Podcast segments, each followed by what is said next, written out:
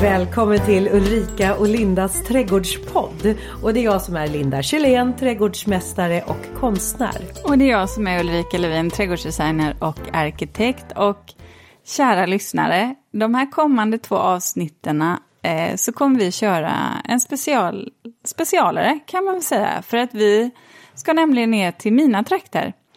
Du och jag, Linda, eh, ger oss iväg på en resa med elbilen ner till västkusten för att titta på trädgårdar, bland annat, och... Och dessutom så ska du och jag lära känna varandra lite mer på ett personligt eh, plan.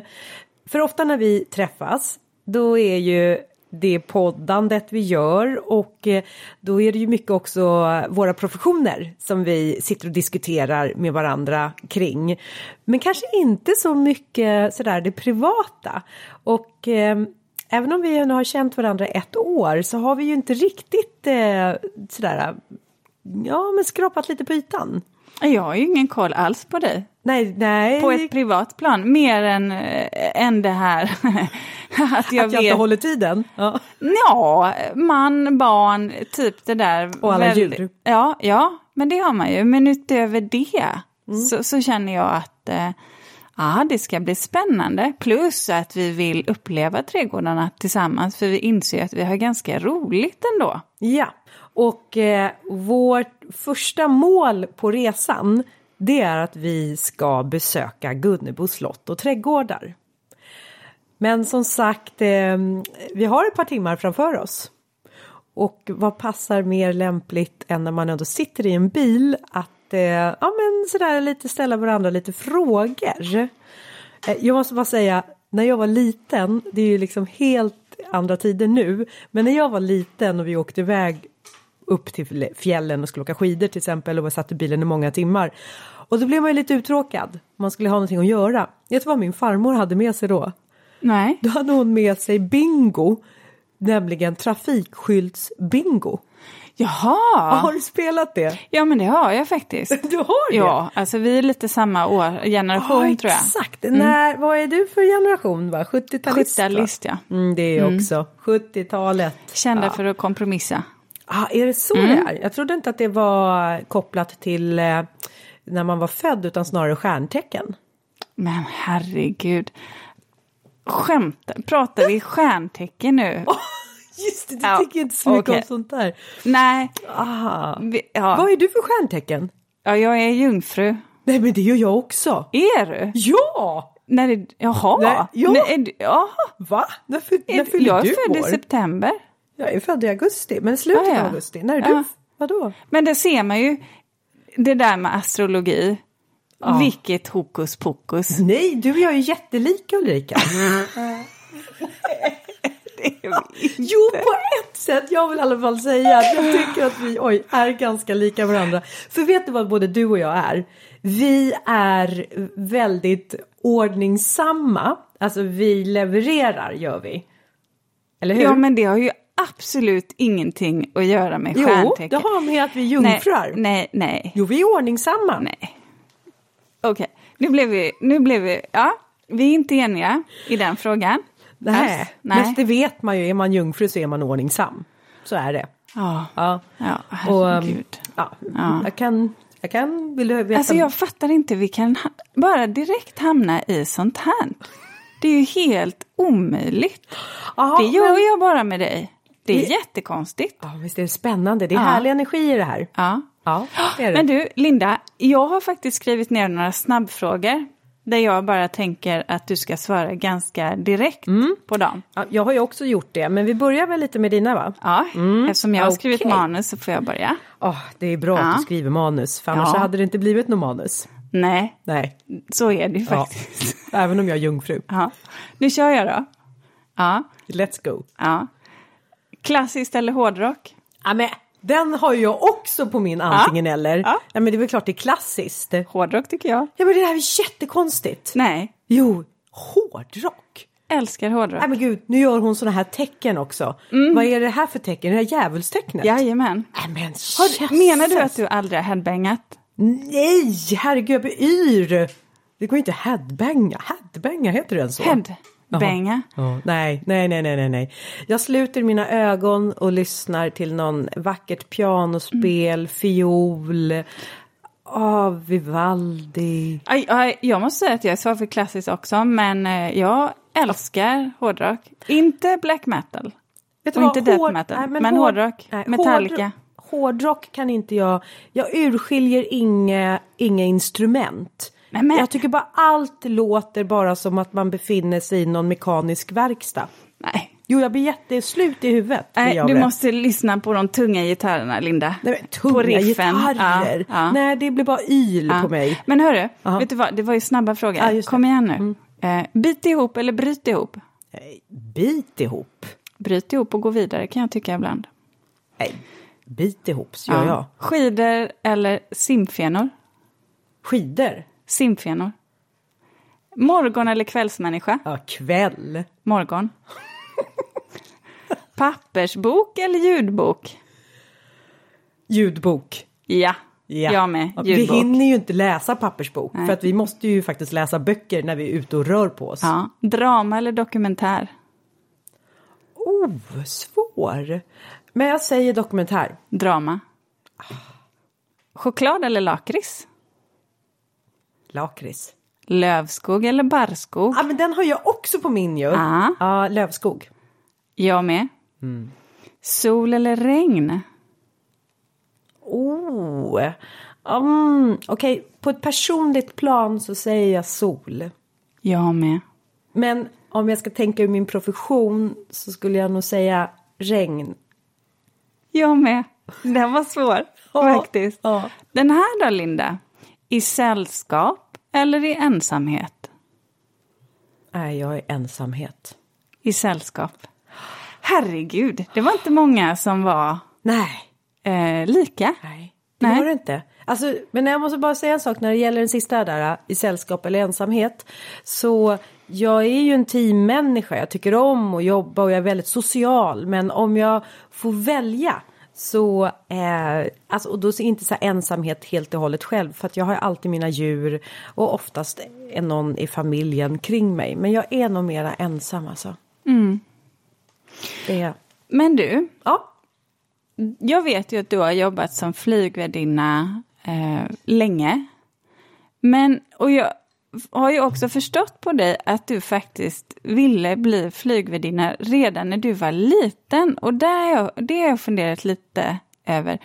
Vad, vad var det som lockade dig till det där yrket så tidigt? Jo, det grundar sig faktiskt i en revanschlystnad. Och det var så att eh, mina föräldrar de skilde sig på början av 80-talet. Det var inte så vanligt att man skilde sig. Jag blev lite stämplad som den där skilsmässoungen. Och jag tillsammans med en annan i klassen, för jag tror jag bara gick i ettan eller någonting då på 80-talet. Och, ehm, och då en annan kille i klassen var också skilsmässobarn så vi liksom hittade varandra men vi var lite losers. Alltså, eller i alla fall så var vi lite utanför, vi var inte som de andra. Och vi var inte lika så här populära utan för vi, de tyckte nog att vi var lite konstiga som inte hade föräldrar som levde ihop. Och de där då i de, de där liksom rätta då i klassen, tjejerna som jag då eh, vände med eller som jag liksom hängde med. Eh, de skulle ju bli så här eh, flygvärdinnor och de skulle, eh, men de, de hade lite så här, de hade så gott självförtroende att de skulle. Och jag själv hade inte så gott självförtroende så jag kände ju och de tänkte ju också att Linda kommer ju inte bli någonting. Eh, men så någonstans där så bestämde jag mig, nej baske med så ska de bli så ska jag också bli. Men jag kommer inte säga det högt åt dem för de kommer aldrig tro på mig. Fast inom mig så bestämde jag mig som att jag var ingen, hade ingen lust att bevisa för dem att jag skulle lyckas. Utan det var mera bara en egen resa i att bara för att jag skulle visa att jag inte var kopplad till att vara en Ja men som var lite utanför bara för att jag inte hade eh, gifta föräldrar. Så för mig blev det som en grej att jag ska också bli, jag ska bli flygvärdinna. Och faktum var av alla oss då som ville bli flygvärdinnor, nu pratar vi liksom, jag var, jag var väl bara 8-9 år, så är jag den enda som blev det. Ja, det är ju fantastiskt. Men jag tycker det är jätteintressant just att det blev att du hade tanken i så unga år och faktiskt höll fast vid den. Mm. Det är ju ändå, eh, ja, det, jag tror att de flesta har, kan säga vad de vill bli när man är liten, vilket också är helt orimligt eftersom ingen har ju någon aning då. Men du, du visste, du hade bestämt dig. Ja, fast egentligen var jag ju väldigt flygrädd. Jag var ju jätteflygrädd. Vilken dålig egenskap. Det är jättedålig egenskap om man ska bli flygvärdinna och vara flygrädd. Men du, då måste jag fråga. Ja. Och den här frågan kan jag gissa att du har fått så många gånger i andra sammanhang. Vilket är ditt absolut läskigaste flygminne? Jag har faktiskt ett par stycken. Men om jag ska säga ett så måste det ändå vara. Vi fick eh, ett hydraulik bort, alltså, bortfall. Alltså det blev fel på hydrauliken i flygplanet precis vid en inflygning i London på ett ny, nu ska vi se, dagen före nyårsafton. Så att det var liksom så här äh, årsskifte, nytt år och vi skulle bara flyga den här tur och retur London, de, eller om det var till och med nyårsafton. Och sen så precis vid så här landningshjulen går ut och då kollapsar hydrauliken på planet. Och vi märker att någonting blir fel därför att eh, inflygningen avbryts. Och istället börjar vi så här äh, och bara cruisa, Cir- cirkla. cirkul- cirkulera så här. Och när man cirkulerar bara, cruisar bara med flygplanet, då är det varken gas eller liksom, utan man bara, det är som knäpptyst i planet. Och vi fattar ganska snart att nu är det någonting som inte stämmer. Och så får man de här signalerna och jag ska inte säga vad det är, men det är liksom eh, cockpit kallar på eh, kabinchefen och då fattar vi på en gång. Nu är det en allvarlig situation. Är det så här det nya året ska starta? Att vi ska, vi ska i, ish trodde vi, krascha. Krascha. Eller i alla fall inte klara av att landa. Eh, och då får då eh, Persian informationen att hydrauliken har gått eh, förlorad och vi vet inte om landningsstället har låst sig. Eh, hjulen har gått ut men vi vet inte om de är låsta. Det är lite läskigt att landa med hjul som inte är låsta. Man kommer ju med en väldig fart och kraft ner i backen. Ja. Det här var en flygplanstyp som hette då, jag tror det var om det MD-80 eller MD-90. Um, ehm, och det som var speciellt med den här flygplanstypen, det var att det fanns en lucka i mittgången. Så att eh, man tog bort kapten kommer ut i mittgången. Han är lite stressad över det här för att det här det är mycket ansvar på kapten och Jag styrman. fan det. Han kommer ut i mittgången. Han får då tala om för alla passagerare att hej, det är jag som är kapten. Jag kommer nog gå ut i mittgången för att jag ska undersöka om landningshjulet är låst. Alltså alla var så här, men vad gör du till mittgången? Men vi visste ju då att den här luckan finns i mittgången och faktum är att eh, den här luckan, man, man vet inte om man flyger med MD-80 eller MD-90 längre, men det är markerat med så här röda band i mattan. Och jag hade då under alla mina år så här alltid gått och tittat på de där röda banden för jag visste att luckan var där och tänkt så här, tänk om man någon gång skulle behöva använda den där. Och nu var jag med om att man behövde använda. Men då var det att kapten här visste inte att den var markerad. Han visste att den var mellan några av sätena men inte liksom exakt där. Så jag vet att jag var fram och pekade lite så här med foten att här, här är markeringen. Så han lägger sig på knä.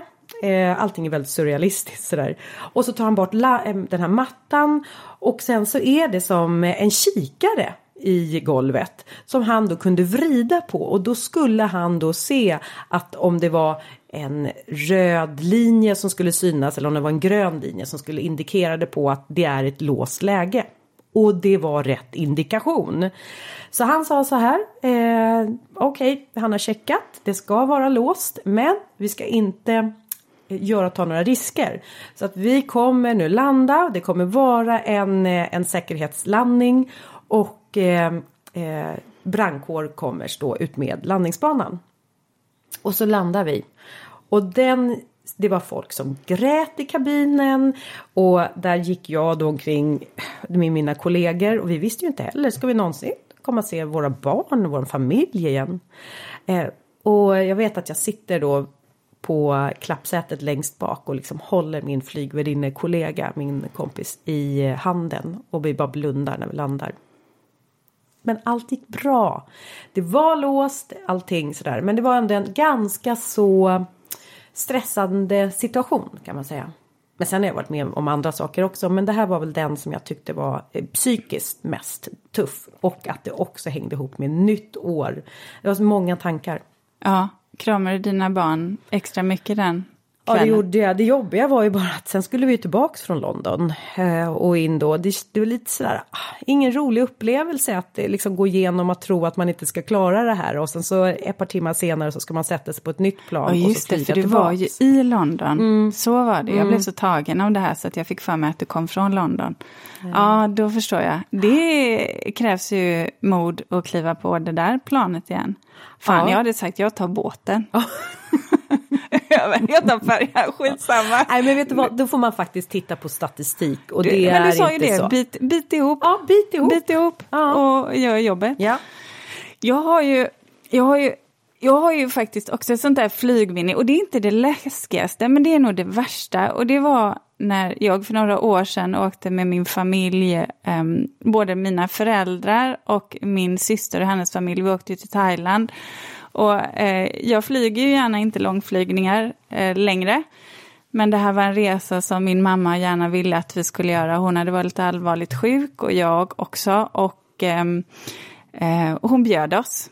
Så att eh, där jag följde med. Eh, och på vägen hem då, när vi åker då från Hua Hin, där vi har bott, till Bangkok, så ser jag på, att, på min yngsta dotter att hon börjar bli Ja, men hon börjar må lite dåligt. Alltså hon säger mamma jag har väldigt ont i magen.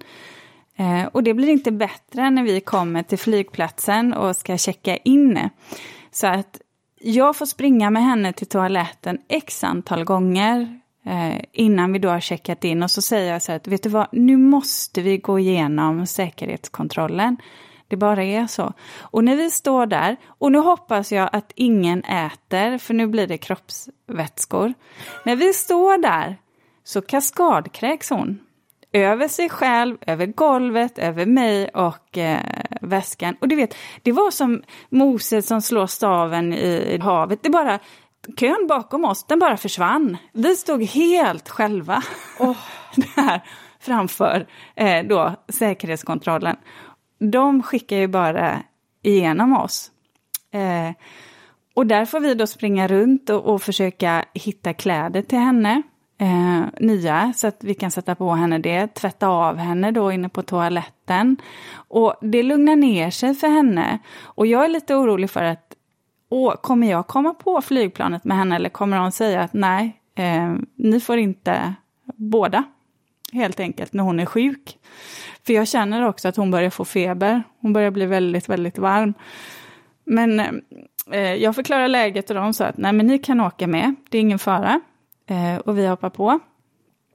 Och eh, då när jag sitter där med eh, min yngsta och min äldsta dotter så, så hör jag bara min äldsta dotter säga mamma, jag börjar må illa. Sen spyr hon i en plastpåse som hon har. Och jag bara tänkte, det här är ju inte sant. Och min man och min dot andra dotter sitter, liksom, min tredje dotter sitter lite längre fram, så de märker ingenting. Och min yngsta dotter däckar i stolen, hon bara somnar in, för hon är så himla, hon är liksom febrig och dålig. Och min äldsta, hon, hon mår så himla dåligt. Och så sitter jag där. Och sen så känner jag hur jag börjar må dåligt. Och då ser jag klockan, Linda. 10.43. Och då vet jag att jag har över 10 timmars flygresa. Och sen alltså, det var katastrof. Jag var så magsjuk så att min äldsta dotter och jag, vi sprang liksom i skytteltrafik däremellan och det var i påsar och det var på toaletterna. Och sista gången, alltså där, till slut så känner jag så här att du vet, ja, ni får ursäkta, jag kommer in på toaletten och jag bara vet, jag vet inte vad det kommer komma först någonstans. Ska jag dra med byxorna eller ska jag liksom... Åh oh, nej, och så vara på flygplanet. Ja, luta mig över och bara kräkas då. Så att, äh, det, äh, det, var, det var något så fruktansvärt så att i slutet där, när vi skulle landa, då sitter jag där på toastolen och bara känner så här, du vet, och de säger att man ska sätta på Säkerhetsbälte. säkerhetsbälte. Och jag bara tänkte så här, fy fan, jag skiter i det här. Jag sitter kvar här. De, jag kryper av planet sen när alla har gått av. I don't give a shit liksom anymore. Bokstavligt. Bokstavligen. Jag mådde så illa. Och min man då, så när jag kommer, när jag kommer fram där då och han bara, var har du varit? Så här då, och jag bara sa att du, alltså vi har ju mått så dåligt. Och han hade ju inte märkt någonting. Jag tyckte inte det var någon idé att säga till honom Men heller. du hade väl så fullt upp också? så Ja, vad skulle väl... han göra? Så jag kan ju känna så här att du vet, långresa för mig har, ah, det har inte lockat. Det var, det var en pers. Sen blev också resten faktiskt lite dåliga. Vi hade blivit magförgiftade på stranden där Åh. vid lunchen vi eh, åt. Det, det, blev, det blev ingen bra resa helt enkelt. Jag skulle precis ställa frågan till dig just om du har varit på en resa som verkligen har fått dig att längta hem så pass mycket så att du har avbrutit resan. Men jag kan säga så här, jag har aldrig varit så glad över att se min egen toalett. Nej, i toaletten. Ja, faktiskt. Det var bara så här, gud vad skönt, jag är hemma igen. Ja, nej, det var faktiskt, det var att sitta inspärrad. Jag är inte så superförtjust i att flyga, om jag ska vara helt ärlig. Jag tycker det är jobbigt att sitta, sitta i det där stängda utrymmet så länge. Och då måste jag säga nu, nu reser ju vi med elbil och då måste vi stanna och ladda bilen emellanåt. Och det är ju någonting, vi började ju prata med eh, en eh, ladd eh, granne, en som laddade sin bil bredvid, som och sa just det att eh, det här med att eh, köra elbil när man måste stanna och ladda, det har gjort att eh, den här personen, han eh, hade mindre huvudvärk och han eh, eh, var mycket fräschare efter att han har varit ute på långkörningar. Då tänker jag att eh, det finns någonting positivt att resa lite långsammare eh, med mera pauser och inte bara köra nonstop utan vi behöver ta våran halvtimmas laddsession. Och det är väl så jag tänker att jag vill resa fortsättningsvis. Eh, i, liksom med elbil eller med tåg. Ja. Ja. Ja, tåg är också fantastiskt. Jag tycker tåg, när man reser med tåg så är det något som händer med sinnet. Jag blir väldigt eh, kreativ i mina tankar och får väldigt många bra idéer. Jag vet att jag ofta då sitter med antingen telefonen, datorn och, och antecknar och skriver väldigt mycket. Eh, det är någonting med när man tittar ut och bara landskapet bara Det är rogivande. Det är rogivande. Fast jag kan bli åksjuk också. Jaha, Ja, när man kör de här tåg? X2000-tågen. Ja, Ah. då, då kan jag faktiskt bli riktigt åksjuk. Men någonting också som jag har tänkt på som hör sommaren till och när vi pratar resor. Jag läser ju eh, en hel del.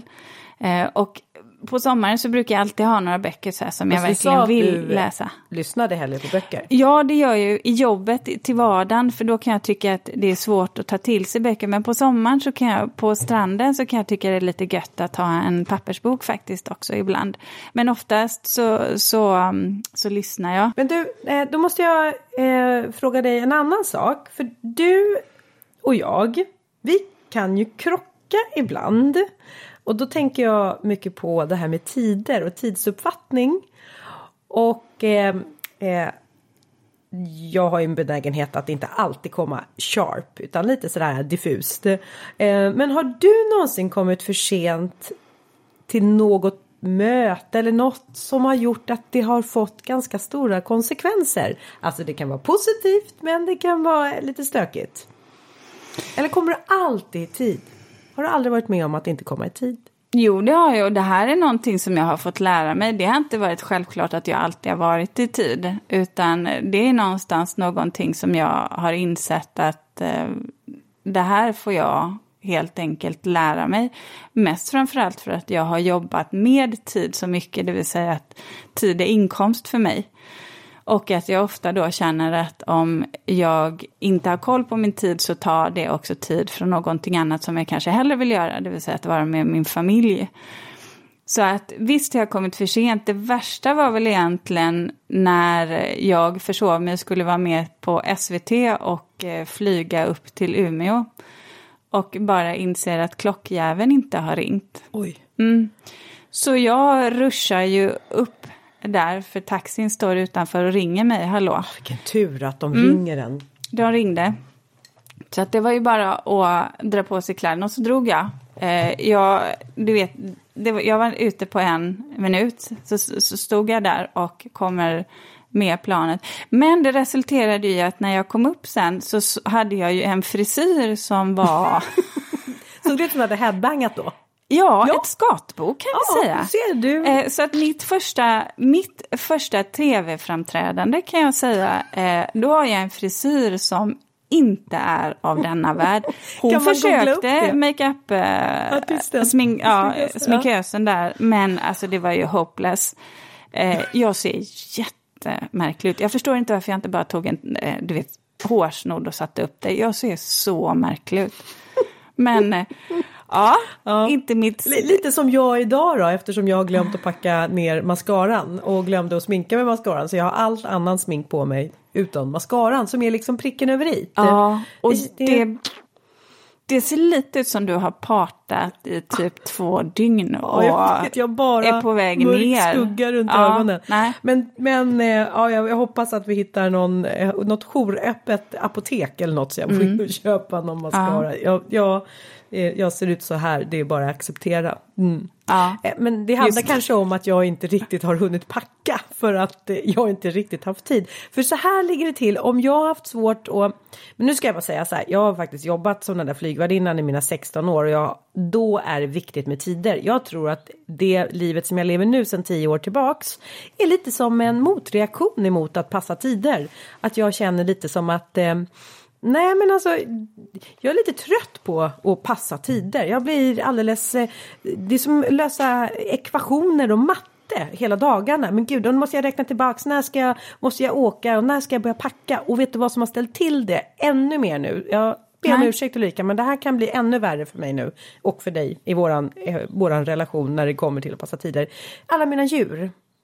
Därför att det är nu inte bara min hund Ester jag ska ut och leta efter som kanske springer över till grannen eller eh, gömmer sig någonstans jag måste fånga in innan jag åker. Utan nu har jag ju alla dessa hönor också. Så jag måste ha koll på att de... Och det här tar tid. För Men jag... vänta här nu. Nu måste jag avbryta dig. För menar du att du säger att hönorna Hönornas är fel. viktigare än vad jag är? Ja, det är faktiskt så att de där tre damerna jag har där hemma, de är, jag har blivit en hönsmamma. Och då Men. är de viktigare än, än dig, för de är ju liv som inte klarar sig utan mig. Du kan ta en smörgås medan du väntar på mig eller... Ja, men vet du vad, då, då, får du, då får du smsa och säga till mig att, ja. att du är sen. Ja, jo, Istället ja. för att jag står och väntar. För då, då har ju jag ett litet åskmål över mig ja. när du kommer. Jo, så jo. är det ju. Jag har märkt det. Jag ja. har märkt det. Men det är så här att det är. Men du, ehm, om jag frågar så Ska vi byta, ska vi byta ämne? Det var du nästa. som tog upp det här. Det var inte jag som Nej. tog upp det. Nej. Nej. Då kommer jag till nästa, nästa fråga och det är så här. Du är ju väldigt ordningsam eftersom du är jungfru. Nej. Men okej, för att du är det som person. Mm. Men har du någon gång hamnat i en situation när det inte riktigt gått enligt planen? Ja det har jag säkert, men jag har ju haft hjärnhinneinflammation så det kan jag inte komma ihåg. Åh nej, du är lite som Doris i den här filmen som glömmer bort. Jag är exakt som Doris. Ja, jag också är som Doris. Vet du vad, när vi skaffade våran katt, då sa min man, jag vill inte ha en katt, sa han. Nej men kan du skaffa, den så söt den här kattungen. Och då sa han så här, okej, okay, om vi skaffar den här katten då vill jag i alla fall bestämma vad den ska heta och då ska den heta Doris för att den är precis som Alltså, det, för det är du, Linda. Du är Doris. Du glömmer liksom bort saker hela tiden. Så vår katt heter Doris efter mig, efter Doris. Och nu är du också en Doris.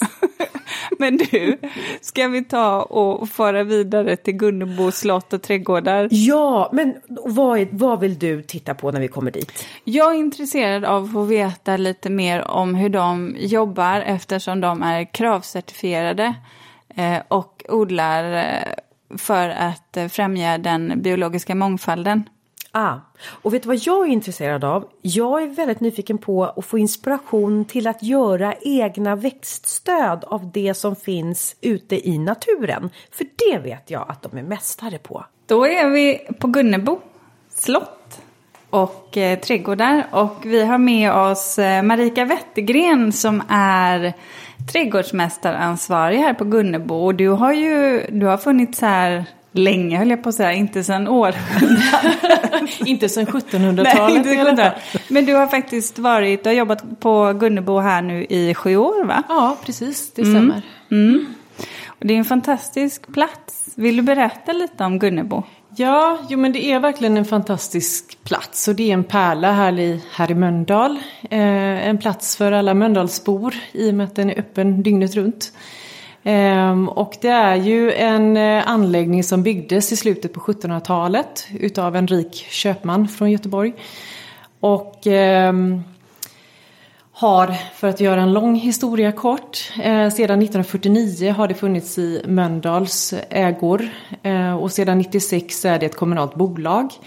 Och eh, sedan dess så har det pågått en eh, process med att återföra trädgårdar och byggnader och eh, tillbaka till 1700-talet. Så det har återskapats, eh, rekonstruerats byggnader och trädgårdar här sedan 1996. Så det är ett pågående arbete. Men, eh, och där mycket fokus har legat på hantverk. Eh, både inom byggnadsvård men också i våra trädgårdar. Där vi sköter mycket, så mycket som möjligt utan maskiner och fokuserar på historiska hantverksmetoder.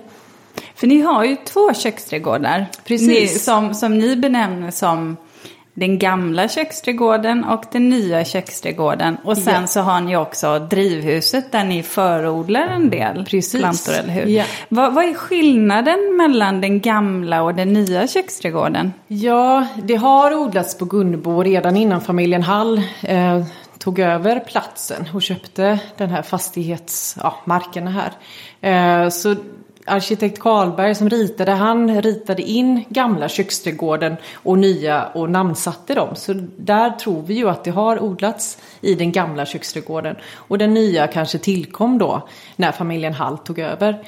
Ehm, men i den gamla köksträdgården så har vi mycket perent material. Ehm, mycket kryddor och örter. En del medicinalväxter. Ehm, vi odlar även våra egna snittblommor i gamla köksträdgården. Vi vill gärna vara självförsörjande på dem också. Eh, och i våra nya köksträdgård där har vi en eh, växtföljd. Så där har vi mycket ettåriga grönsaker. Eh, och en växtföljd har vi ju för att vi är en kravmärkt och en odlar ekologiskt. Då måste vi ställa frågan, ja. kravcertifierad, hur definierar du det? Vad innebär det? Ja, om man ska odla krav, ja, enligt Kravs metoder så gäller det att tänka mycket på att jobba förebyggande. Eh, vi jobb, därför har vi då en växtföljd och flyttar växterna för att undvika jordburna sjukdomar eller insekter som kanske lägger ägg i jorden. Eh, men vi jobbar också för att eh, vad ska man säga, tänka på en kramad gård så är kretsloppet väldigt viktigt. Eh, vi försöker att ta hand om resurserna och avfallet som blir i trädgården. Vi vill gärna ta hand om vårt eh, ja, material som blir över och kompostera det så att vi kan tillföra det tillbaks till jorden. Eh, vi försöker att få vårt eget gödsel så att vi även djuren på gården kan tillföra och sluta kretsloppet här på gården. Eller på, nu kallar jag Gunnebo för gård, det är vi inte riktigt, men i trädgården på Gunnebo. Men ni har ju djur. Ja, vi har mm. djur. Ja. Så vi försöker ju att sluta eh, hela det här kretsloppet och, och tänka hållbart också. Och det där tycker jag så mycket om för att, att ha en trädgård utan djur, där tycker jag att man saknar en pusselbit. Det, och då tänkte jag på dig Ulrika. Men du har ju dina bin, har du. Jag har ju jättemånga djur ja. i min trädgård så jag förstår inte varför, varför du... Nej, jag ja. tänker mest på att det är bara hönorna ja, Linda. Ja, hönorna jag, tänkte på. Du har ju inte hönor. Nej, men alltså vi släpper hönorna. Jag har lite hönfobi. Ja. Jag tycker de är läskiga. Men så att gödsel då, det vill säga att inget konstgödsel alls. Inget utan konstgödsel. stallgödsel, alltså yeah. häst, och, häst och ko. Yeah, det är precis. det ni använder. Och sen det här som du sa. Eh, att man då jobbar med eh, naturliga metoder, det vill säga att man inte ska få sjukdomar i jorden. Alltså rent praktiskt, hur gör man det? Gröngödsling? Ja, det har vi också. För det är också viktigt. Det vi tänker är ju att när vi eh, odlar så har vi ju grödor som suger näring från marken och jorden.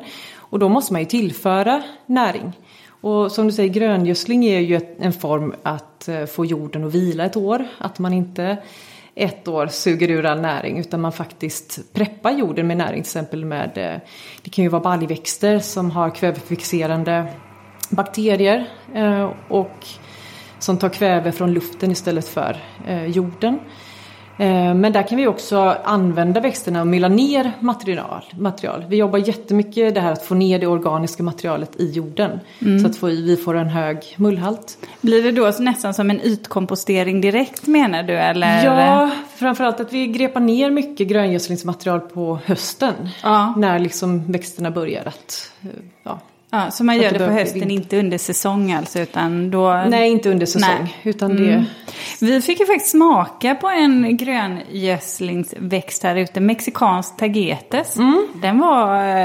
Eh, Överraskande! Jag ja. tyckte den var god. Jag fick en liten, liten smak av ananas faktiskt. Mm. Den såg ut som cannabis men det, det, det lovade du att det var det inte. Nej det är det inte. Nej. Det skulle vi inte odla. Nej, nej. Syrlig. Ja, faktiskt. Ja. Så där är ju också ett sätt att tänka hållbarhet. Att faktiskt att använda växterna, de gynnar jorden. Eh, men att kockarna i köket även kan använda Ehm, den har varit årets glögg till exempel, har varit eh, smak utav mexikansk tagetes. Är det någonting som man förodlar? Alltså det är frösat, måste man förodla det eller? Det går både och. Ja. I år har vi förodlat och förkultiverat dem. För jag tänker, jag, till nästa år så måste jag prova det för jag mm. tyckte den var god. Mm. Ja men den är spännande. Den hinner inte blomma här. Nej, så man får inte de här fina tagetesblommorna. Men det finns andra tagetes som både blommar och sätter ja. ganska stort bladverk ja. som man kan använda. Men om vi då pratar om gröngödsling och en sexårig växtföljd. Ja.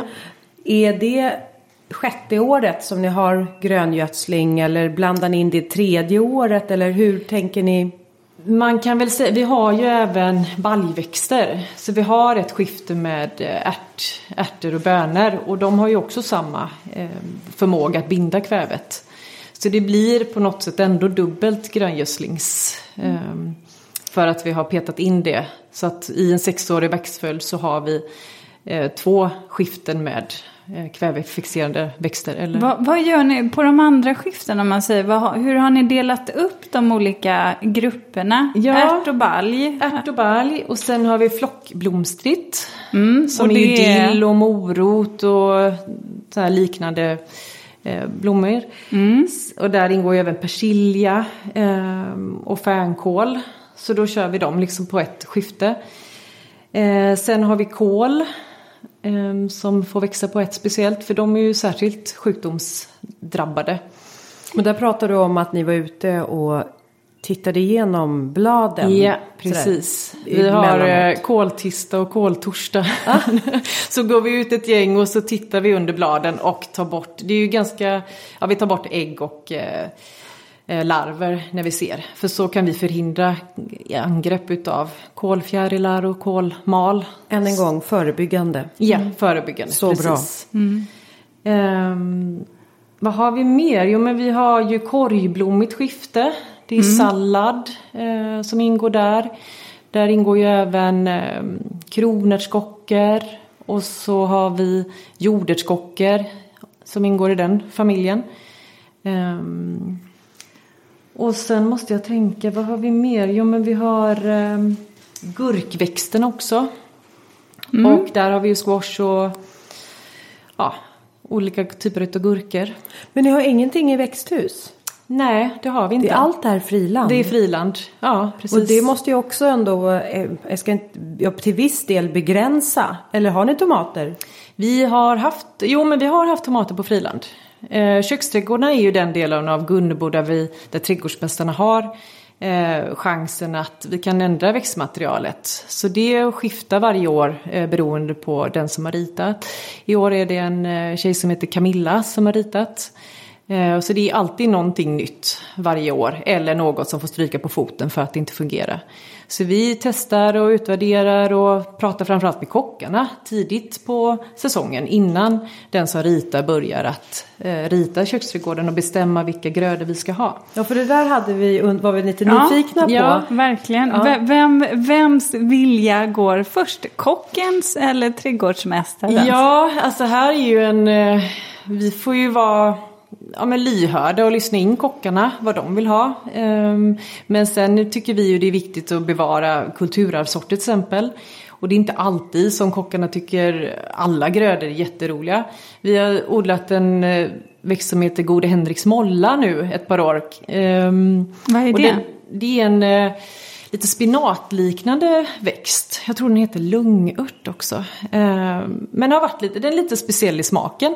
Men vi är nu envisas med att ha den och i år så har kockarna använt den. Så de har kommit på någon vi odlar ju bara, det är ju de som får trolla och göra magin på tallriken. Så då är det trädgårdsmästaren som bestämmer? I, ja, jag skulle nog säga det. Men det tyckte jag var spännande för det sa du ju eh, just restaurangen att ni har inte färdiga menyer. Nej, utan precis. Eh, det beror lite på vad som kan skördas i ja, trädgården. Ja, mm. och framförallt vad som är i säsong. Mm. Ehm, där har ju våran kock Patrik eh, jobbat fram ett väldigt bra koncept. Vi är ju inte självförsörjande på grönsaker. Men det är ju alltid något från trädgården som eh, ligger på tallriken som är odlat här i trädgården på Gunnebo. Ehm, men han, eh, ja men han, vi får ha ett, vi har ett gott samarbete, verkligen. Vi stämmer av med dem flera gånger i veckan och försöker ha lite framförhållning att nästa vecka, men nu får vi mycket sallad. Då, då är de, vet de det och behöver inte beställa. Eh, eller att de kan sätta bönor på menyn när den mm. säsongen kommer så att de vet. Ja, för så är det ju alltid. Alltså det här när saker och ting mognar. Det kan ju ändå skilja en eller två veckor åt lite beroende ja. på hur vädret har varit.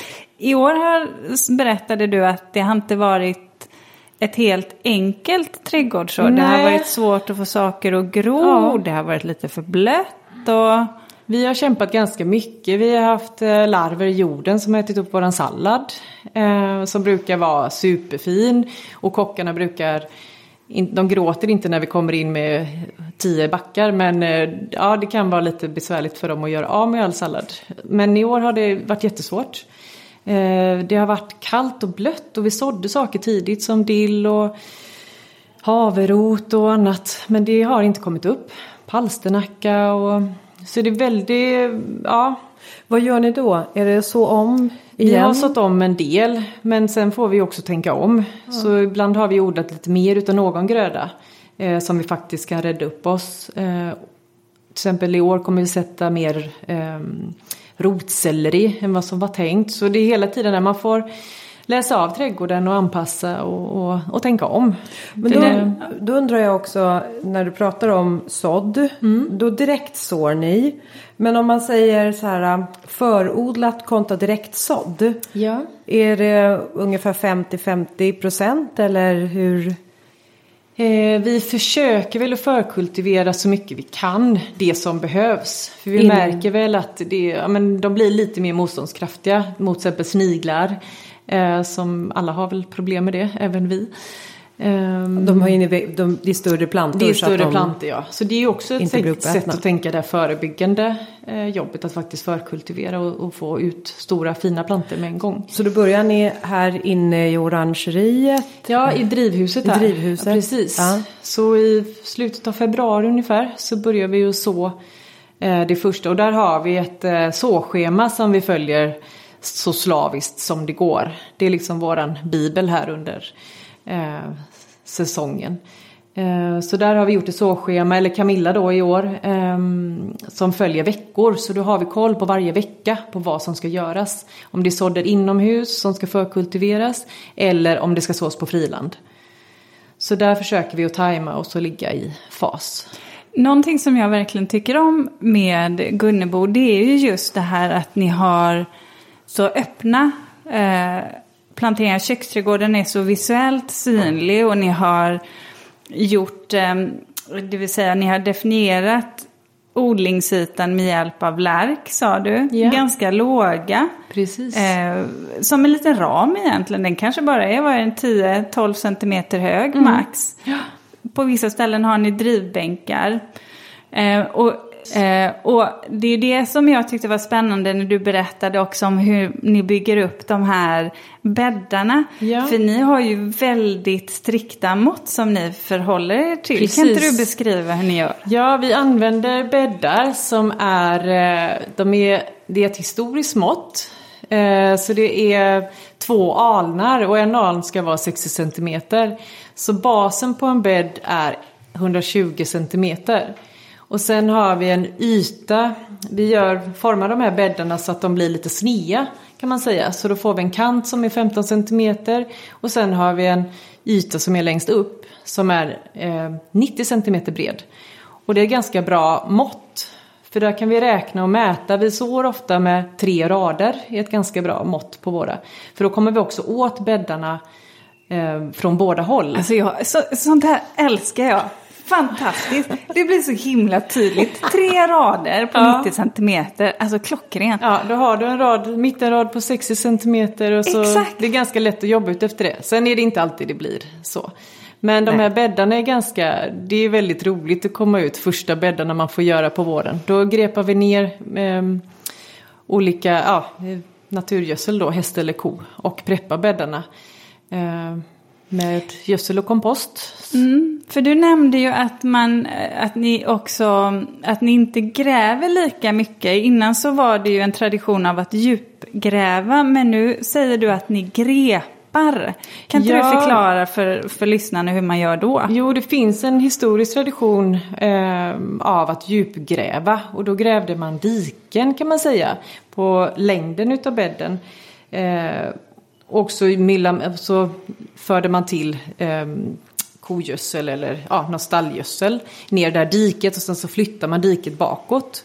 Och på så sätt får man de här höga bäddarna och så får man mycket eh, gödsel ner i bäddarna. Men det är ganska arbetskrävande och tungt. Eh, och sen har vi funderat om vi verkligen behöver få ner gödslet så djupt. För vi har ju grönsaker som inte har så djupa rötter. Så vi har väl börjat mer och mer att övergå till att eh, grepa och vända ner vårt gödsel istället. Och sedan formar vi bäddarna. Eh, och det, det fungerar bra. Och vi funderar väl också på det här med att, hur mycket ska man bearbeta jorden och för att- man inte ska störa mikroliv och, och makroliv med maskar och sånt där. Men vi har ganska leriga jordar så vi märker att vi behöver tillföra organiskt material. Men nu hade ni jobbat upp dem bra. Eller hur? det har vi, verkligen. Och sen så täcker ni ju också en del. Ni jobbar ju både med täckodling. Ja, och det är väl lite så kontroversiellt i en historisk trädgård att jobba med täckodling. För det vi hittar inte några jättesäkra källor på att man verkligen har jobbat med täckodling. Eh, Men vi, vi är ju inte så många trädgårdsmästare, vi skulle kunna vara många, många fler. Så vi försöker ju också hitta de här förebyggande metoderna att slippa rensa ogräs, men att slippa vattna. Ehm, och sen tillför ju täckmaterialet också organiskt material till jorden. Så vi, vi tycker det är lite win-win situation där. Att vi, vi tjänar på det. Och, Men, men hur hade ni gjort här då? För vi pratade om det där ute just. Eh, vi har ju konstaterat att eh, det har varit ett snigelår, eller är väl det. Det regnade ju ganska mycket i maj i stora delar av landet. Eh, har du märkt av att ni har fått extra mycket sniglar och eh, är täckodling då ett problem i, i dina ögon? Ja, vi tycker nog att fördelarna med täckodling väger upp. Det är klart att vi har nog märkt en liten ökning av sniglar. Ehm, men de hade nog funnits där ändå tror jag. Jag tycker att det, det var liksom, du drog sekatören ganska Ja. snabbt. Så fort du såg en snigel så, Så var ganska- det framme. Det var vi har våra kol- koltisdag och koltorsdag och så har vi snigelrunde på morgonen. Ja. Eh, så vi har det- här gemensamma eh, knep för att gå ut och, och, och framförallt att vi kan ta sniglarna tidigt på våren. Så framförallt första regnen på våren, eh, fuktiga månader så går vi ut och Ja. så försöker vi klippa så mycket som möjligt. För kolen där så nämnde ju du att det var eh, ett medel som ni använde va? Var det, Just Turex? Ja, Turex, precis. Det är ju en bacill. En, eh, så det är ju, vi använder ju inga eh, bekämpningsmedel som inte är tillåtna. Eh, eller vi använder inte så mycket alls. Men det vi kan använda är biologisk bekämpning. Eh, som finns naturligt i naturen. Och jobbar man förebyggande så hopp, alltså då, då behöver man ju inte heller använda en massa Nej. preparat. Och sen är det väl så. Det, det är alltid någonting i trädgården som vi inte kan veta hur det blir. Det är alltid något nytt skadedjur som kommer. Nu innan eh, jag begav mig iväg här på trädgårdsturnén så la vi precis ut en eh, bevattnings... Eh, eh, vad heter det? Bevattnings... Eh, Slang. Droppslang. droppslang Ja. på min eh, odling hemma så att jag skulle kunna vara borta här nu ett par dagar. Eh, Men nu när jag gått runt här, eller vi har gått runt och tittat så har inte jag sett någon Nej. bevattning här. Hur Nej. sköter ni bevattning? Det fanns ju inte droppslangar på 1700-talet. Så vi försöker väl att... Nej, vi har ju... Vi tänk, försöker ju tänka så i mycket liksom. Hur gjorde man på 1700-talet? Men då är det Eh, liksom häst och kärra. Och... Ja, nej, men vi, vi flyttar runt. Vi försöker, när vi sår så försöker vi att inte vattna. Så att eh, sådderna gror i den takt eh, som Ah, ja, jorden, ja. med jordens fukt. För börjar vi vattna när vi har sått, då måste vi fortsätta med det. För det stadiet är groden så kritisk liksom att då måste det vara fuktigt. Så vi vattnar inte vid sådd när vi sår direkt på friland. Och då kanske det inte gror på en gång heller. Då Nej, det ligger så och det väntar ligger och på. väntar ibland. Eh, Men däremot när plantorna har tittat upp och det är torrt. Så vi försöker ju avvakta så länge som möjligt innan vi behöver vattna. Men vi har spridare som vi flyttar runt då. Och det är klart att jag tänker också på så som ni bygger bäddarna, att man bara har definierat ytan med en, en liten lägre ram och sedan att man bygger bäddarna så som du beskriver. Det blir ju någonstans ändå, eh, det torkar inte ut av träd, däremot sol och vind säkerligen. Ja, Men har man då täckodling så i ja vinden. och vi täckodlar ju inte överallt. Men vi, vi försöker också tänka på att vattnet är ju en resurs som vi inte vill slösa på i onödan. Precis. Eh, Men täckodlingen hjälpte oss verkligen sommaren 2018 när det var supertorrt. Där märkte vi att det, där vi inte hade täckt. Vi använde ju även gräsmatteklipp från våra gräsmattor. Eh, Och lyfter man på det så var det ju fuktigt under. Medan ytorna där vi hade bar jord, där var det torrt. Eh, Något annat som ni också har använt från era marker det är ju björkris. Ja. För att eh, era växtstöd är ju högst naturliga. Mm. Det är, eh, jag har knappt sett en enda, alltså bambukäppar är ju också naturligt men det kan, växer ju inte här i Sverige. Nej, exakt. Utan eh, då sa du att ni använder er av eh, björkris Ja. och då sa du tidigt på våren. Ja men precis, vi brukar ut och eh, vi brukar ha kontakt med kommunerna eh, runt omkring här och, och hitta någon elgata där vi får åka ut och skära. Där brukar det vara björkar i, precis lagom storlek. Och vi åker ut innan de har slått ut. För vi vill inte ha ris med löv på i, i landet. Så då brukar vi åka ut och, och samla det, för det tar ju kommunerna ändå ner. Vad- Och vilka grönsaker eller växtslag eh, är det extra bra för? Ja men våra ärtor, framförallt sockerärtor och luktärtor, där fungerar och vi bygger liksom det är svårt att förklara men det är som stöd som lutar mot varandra så det blir en, en rad utav stöd.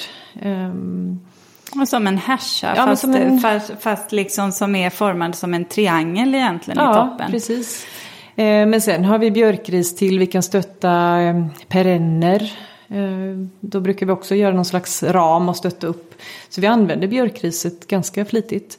Det är väldigt Ehm, tacksamt för, för eh, växten att klättra upp för Ja, det. ja men precis. Det får liksom någon bra fäste på det. En sak som jag tänker på som, som ni faktiskt har som ett uttalat mål, eh, det är faktiskt att främja den biologiska mångfalden. Och det är jag lite Precis. nyfiken på. Alltså på vilket sätt gör ni det? Ja, där har eh, Camilla alltså som har ritat köksträdgården, hon har eh, blivit väldigt intresserad av detta och eh, innan så har vi nog haft mest grönsaker. Det har varit en, ja, men ganska mycket samma gröda i varje bädd. Men nu har Camilla valt att ta in växter som kan dra insekter som, det kan vara blomflugor som deras larver äter bladlöss. Så hon har hittat en kombination med vi odlar kardon eller kardon. Nu, ja, klimatisk klematis, ja, exakt. kärsbarn. Ja. Eh, och så har hon planterat en liten ram utav strandkrassing runt. Lobularia tror jag den heter, en liten jättehärlig sommarblomma. Som hon sätter runt och eh, den lockar till sig blomflugor. Så, och kronärtskockor brukar ju få väldigt mycket bladlöss. Eh, om ni har odlat det. Ja. Eh, de är ju, ja, så kronärtskockor och kardon eh, brukar vi sätta det här runt om och har gjort ett par år. Och det verkar vara så att vi får mindre bladlöss för att vi har planterat den här lilla strandkrassingen runt. Har du, har du några andra sådana där perfekta kombinationer? Antingen då som, som där växter kan gynna varandra eller skadangrepp eller saker som du bara tycker att det är så sjukt snyggt. Ja, men oavsett, alltså hon har ju valt Camilla här att blanda in mycket så, alltså blommor i grönsakerna. Eh, och vi hade majs och krasse ett år. Och det var supersnyggt för då täcker man ju också jorden med krassen. Um, och majsen växer upp. Och så det här liksom att samplantera något lågt med något högt kan ju vara väldigt trevligt. Um, så man får ju en, en väldigt praktfull köksträdgård genom att blanda in blommande växter. Uh, sen kan det vara kul, krassen är ju ätbar både blommor, blad och frö, uh, små kapslarna som blir. Just det. Så det är något vi skördar in till köket mycket, de här bladen, krassebladen. Och, och så kan de pickla, ja och blommor och så picklar de frökapslarna så kan man servera det i februari. Dem? Ja, de picklar dem. Oh, det har jag aldrig testat. Nej, det får, de är ju väldigt peppiga i smaken. Ja. De är, ja. Jag kände så här bara, du vet de där två krasseplantorna jag fick av dig. Då, helt plötsligt är, det, då är de lite mer spännande Linda. Lite ja. mer värdefulla va? Ja, ja. ja. Lite, lite så. Jo men ta och smaka på bladen för de är supergoda. Ja det måste jag göra. Ja. Herregud vad mm. många nya grejer. Du sa det när vi gick runt här att eh, Gunnebo det är en plats för kunskap. Eh, mm. Så det, det, har vi verkligen eh, tagit, fått ta till oss också. Men på vilket sätt menar du att det är en plats för kunskap? Ja men vi tycker ju att det är viktigt att um, vad ska man säga, traditioner och hantverk fortsätter att eh, leva. Um, så vi har ju en trädgårdsmästarutbildning till exempel. Och där pratar vi mycket om eh, gamla metoder och nutidens metoder och framtidens metoder. Hur det hänger ihop, hur vi kan använda de här historiska metoderna, att det kan vara framtidens metoder. Till exempel slår vi ju gräsmattor med lie. Ehm, och det är ju väldigt spännande. Och det har ju blivit väldigt hett nu att ja, men det här, vi funderar på normen över den kortklippta gräsmattan. Ehm, är det snyggt? Är det meningsfullt? Hur, hur ser framtidens gräsmattor ut om vi inte ska använda fossila metoder och klippa mm. dem? Mm. Mm. Vatten är väldigt resurskrävande utifrån ett eh, bevattningsperspektiv också. Ja, verkligen. Så, ja. Ehm, men, så, så där försöker vi ju få folk att Ja, men vi vill gärna diskutera olika skötselmetoder. Där har jag min chef som är chefsträdgårdsmästare Joakim Seiler. Han har ju forskat på historiska hantverksmetoder. Och där försöker vi också tänka liksom, är det något vi kan använda idag? Som faktiskt är bra och eh, miljövänligt.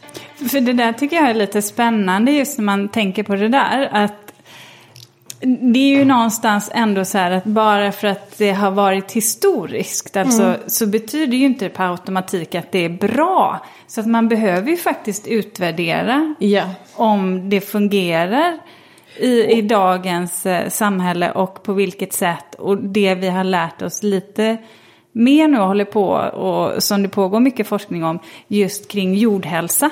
Mm. Som är ett jättestort ämne där vi fortfarande inte riktigt vet alla beståndsdelar i jorden och hur det hänger ihop. Nej. Och det tyckte jag när vi klev in här på Gunnebo. Så det första man får gå igenom det är ju eran jordfabrik. Ja, man säga. våra komposter. Komposterna ja. Yeah. Alltså Marika, eh, vi behöver avrunda. Ja. Men stort tack. Ja, tack så jättemycket tack för att ni kom Marika. hit. Ja. Du, Linda nu när vi har varit och träffat Marika ute på Gunnebo, eh, vad, vad tog du med dig? Eh, ja, alltså det var väl ganska många saker. Framförallt så lärde jag mig nu att jag är för sent ute när det gäller att få till de här schyssta växtstöden av naturmaterial eftersom de redan i april innan eh, de här björkriset har börjat att löva är ute och eh, eh, klipper eller sågar ner dem. Men då vet jag det tills nästa år att i april då är det jag som är ute med eh, grensaxen på någon elgata eller vad heter det, elgata? Och de frågade ju kommunen Ja, där. det ja. också. Och det måste man ju. Man kan inte bara, det har vi pratat om innan, Ja. man, kan- man kan inte bara gå ut och plocka hur Nej, som helst. det Men det, det hoppas jag att alla Ja. vet. Eh, Men så det var väl det ena. Sen så blev jag lite imponerad av att eh, jag, jag tycker faktiskt att Marika var lite som Lucky Luke. Hon drog snabbare än sin egen skugga. Och Mm. då pratar jag om hennes sekatör som hon hade i Ja. Mm. sitt hölster. När du sa så här, oj, titta där har vi en eh, mördarsnigel. Hon bara fram med sin sekatör och bara klippte den och så ner igen. Skoningslös. Och skoningslös. Jag var så här, oh, på sekatören. Den där. Och sen så bara ner och så var det som att eh, hon bara, alltså hon drog så jädrans snabbt. Men jag måste säga, jag det är tycker... på rutin. Ja, men jag måste säga jag tycker du är så himla rolig. För, för du, du har ju sjukt många djur, du håller på med ett jobb där du ska gräva i jorden hela tiden. Och ändå så kan du ha sån basilskräck och tycka att snigelslem är så äckligt. Ja men är, vet du hur mycket det fastnar? Vet du, min hund Ester hon kom in här om kvällen med en snigel på pannan. Jag tänker du, du håller ändå på med saker som man vet är lite kladdigt, Ja, men geggigt. alltså, jag mockar höns, bajs, det gör jag liksom dagligen. Min man sa till mig att nu när inte du är hemma Linda, då är inte trädgården lika fräsch längre. Ehm, så att, nej, absolut. Men jag tycker, jag gillar ändå inte det här med, sen så alltså allvarligt, knipsa sönder levande. Ja men sniglar är ju inte, mördarsniglarna är ju äckliga. Jo, de är Det äckliga, men det är ändå någonting. Jag vet vad, varje gång jag sätter spaden på den, då blundar jag. Uh, Mm. Blundar så här och så gör jag det. Ehm, Men det finns ju andra sätt man kan göra på. Men det spelar ingen roll, jag fattar ju Marika. Hon måste vara Ja, snabb i sin handling. gud ja. Men det var så fascinerande att se. Hon bara så drog upp det där. Och något annat som jag faktiskt tyckte var lite läskigt. Alltså jag fick lite sån här... Uh, uh, uh. Vadå? Det var när vi klev in där i drivhuset. Va? Och den där, ja. Och den här snickarlådan stod där. Och den var fylld till bredden med tumstockar! Åh! Och jag kände så här, nej, det här, här är det bara liksom Och ordning jag kände så här att jag har fattat, jag har hittat min like. Fantastiskt skönt att hitta en trädgårdsmästare som har den ingången. Herregud. Jag tog med mig att jag faktiskt vill eh, odla mexikansk tagetes. Dels för att jag tyckte den smakar gott, eh, men också för att den faktiskt inte har några blommor. Det kan inte bli bättre.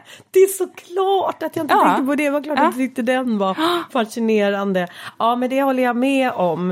Eh, att eh, den, och den, den smakade gott, gjorde den Mm. faktiskt. Gjorde den. Men du Linda, ska jag köra tio snabbfrågor till och sen så avrundar vi? För det sen så har vi ju, vi har ju lite middag som vi behöver äta också. Ja, så vi, hinner, Mm, vi jag har orkar med bokat bord. Ja. Ehm, ja, men okej, då kör jag. Go! I go. Okej, konsert eller revy? Konsert. Och jag tycker den var lite svår. Tveklös konsert. Alla gånger. Nej, men jag skulle nog ändå säga revy. Ja, Ja, okej. det får stå för dig. Ja, nu minns inte jag om, vi, om du ställde den här frågan till mig, men jag säger sol eller skugga? Eh, skugga. Ja, just det, för du sa sol eller regn sa du. Ja, sol eller skugga och då säger du skugga. Jag säger skugga också. Havet eller poolen? Hav. Jag med. Stig eller promenadstråk? Stig. Stig säger jag också. Morgonsol eller kvällssol? Kvällssol. Jag säger också kvällssol. Planering eller spontanitet? Eh, den tycker jag kan vara svår. Nej, den är inte dugg svår. Du är planering Ulrika. Jo, jag vet att jag är det, men, jag men det betyder inte att jag tycker att spontanitet är oviktig, för det tycker jag absolut att man måste få ha också. Ja. Ja, Det, säger du så här, det ena förtar inte det andra. Väl sagt. Klockrent. Hälsningar från min man, för det är hans ordspråk. Ja. Ja, säger han till. Mm. Okej, Havremjölk eller komjölk? Havremjölk. Jag säger komjölk. Grönsaker eller frukt? Frukt. Och, och ja, jag, jag, är, jag är grönsaker. Alltså, jag pratar gurka och paprika och körsbärstomater. När jag var liten så fick jag en egen vattenmelon i födelsedagspresent av mina föräldrar. Ja, just det. Ja. Det var ju det du sa. Jag älskade det. Ja. Och jag älskar det fortfarande. Du kanske får det imorgon på frukosten. Ja. Ja, Jag, jag har en, ett, ett bär till dig. Vad hade du? Ett bär. Jag säger inte mer, men bär? jag, jag har en överraskning. Oh, spännande. Få ett bär. Ja, okej. Ehm, keps eller solhatt? Solhatt. Alltså förlåt Ulrika, men nu ser jag att jag har tagit mina tio frågor för fel. Det var inte de här jag skulle ställa dig. Eh, kan vi gå tillbaka till det här med planering? Ursäkta. Åh, men, åh, jag börjar på fel ända. Ja, ja. Jag vet inte hur många frågor jag har tagit. Nej, en, inte jag två, heller. Jag har inte fyra, räknat. fem, sex, sju, Men, eh, åtta. Nej, jag har bara åtta. Ja. Okej. Du får två till, för sen behöver vi faktiskt avsluta, Linda. Så Okej. vi hinner byta om. Ja, men då får vi ta de andra någon annan dag då. Vi har ju faktiskt ett avsnitt till. Ja. ja Okej, tatuering eller piercing? Fy fan, tänkte jag säga. Eh, tatuering. Va? Ja. Nej, jag säger piercing för hål i örat. Det får man väl ändå kalla för piercing. Men fan, nej, Jo, vänta det här. får man. Ja, Ja, Man får vara nej. kreativ också Ulrika. Ja, Okej, ja, där, var jag, där var jag inboxad i tanken. Ja, det var ja, du. då åkte jag på en tatuering Ja, också. nu kommer ja. sista. Ja. Oljemålning eller fotokonst? Fotokonst. Jag säger oljemålning. Mm. Vad, är, vad, är, vad säger det om en? Om man tycker oljemålning eller fotokonst? Eh, att du kanske har lite mer känsla för konst. Jag tror inte att alla... eh, Jag gillar det taktila. Jag gillar one of Fotokon- the jag, uppf- jag, jag uppfattar som att fotokonst inte alltid ryms inom paraplyet konst av, av de som är väldigt förtjust i målningar.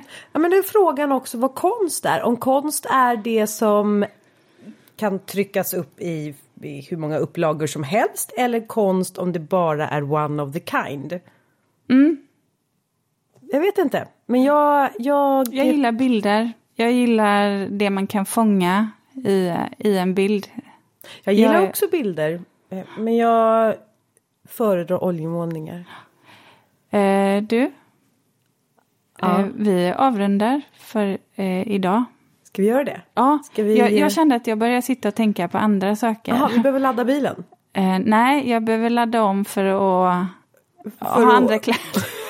jag, vill, jag vill byta kläder, jag vill gå ut och äta. Du vill checka in på hotell. Ja, lite så vill jag. Men då säger vi hej då till Gunnebo och så tycker jag vi tackar än en gång Marika för att vi fick eh, gästa Ja, alla Ja. lyssnare. Häng alla med oss nästa ja. vecka också. Det Ja. blir lite extra långa avsnitt, men eh, ni har väl semester hoppas jag. Ja, och nu blir det, jag ser fram emot nästa avsnitt. Mm, Jag med. Ja. Vi hörs. Ja, det gör vi. Hej! Hej då! Det blir jättelångt. Det blev det. En timme och tio minuter va?